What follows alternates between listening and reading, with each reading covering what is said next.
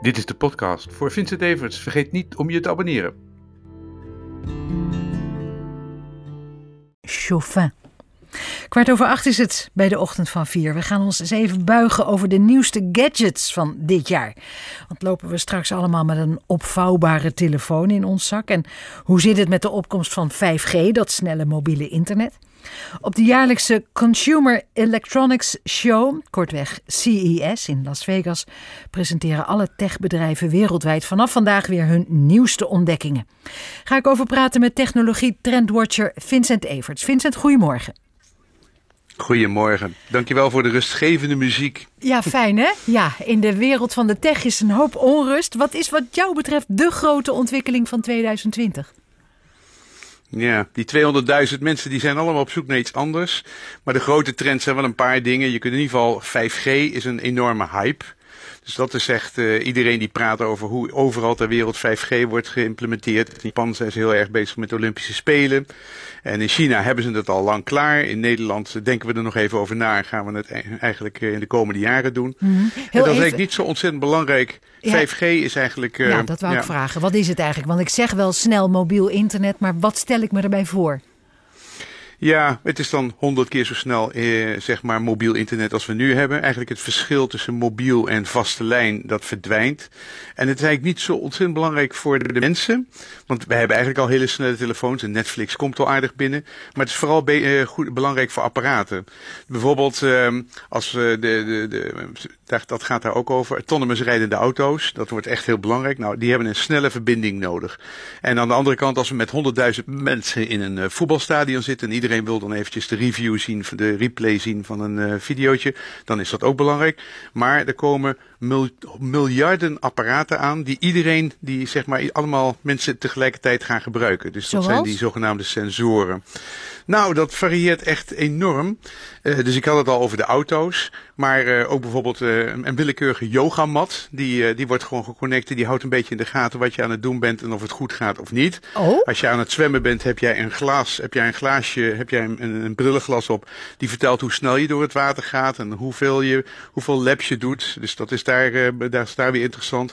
Alles in de keuken is geconnecteerd, zodat je oven een beetje weet wat hij moet doen. Of de koelkast een beetje zeg maar kan bestellen wat er aan de hand is. Of je suggesties kan uh, gaan doen.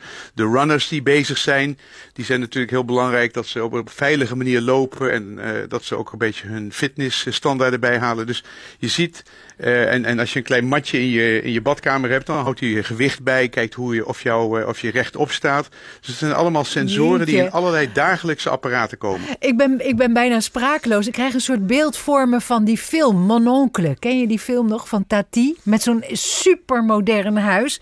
Want, want in huis gaat dit ook allemaal spelen. Hè? We krijgen volgens mij ook hele slimme koelkasten, wasmachines. Nou, een oven noemde jij al. Ja. ja, dus het is eerst een, ze houden in de gaten of iemand thuis is. Dus energiebesparing is natuurlijk ook ongelooflijk belangrijk. We verspillen 50 tot 60 procent van onze energie, omdat we het eigenlijk, omdat we er niet zijn. Nou, dat slim in de gaten houden als je onderweg bent naar huis. Dat, uh, dat, dat was een van de trends, dat dat heel erg gebeurt. Dat de kamers ver, verwarmd worden die je gebruikt. Dat hij ook kijkt, hey, hoe leef jij eigenlijk? En dan, dan stelt het huis zich daarop in. Dus dat wordt ook allemaal wat slimmer.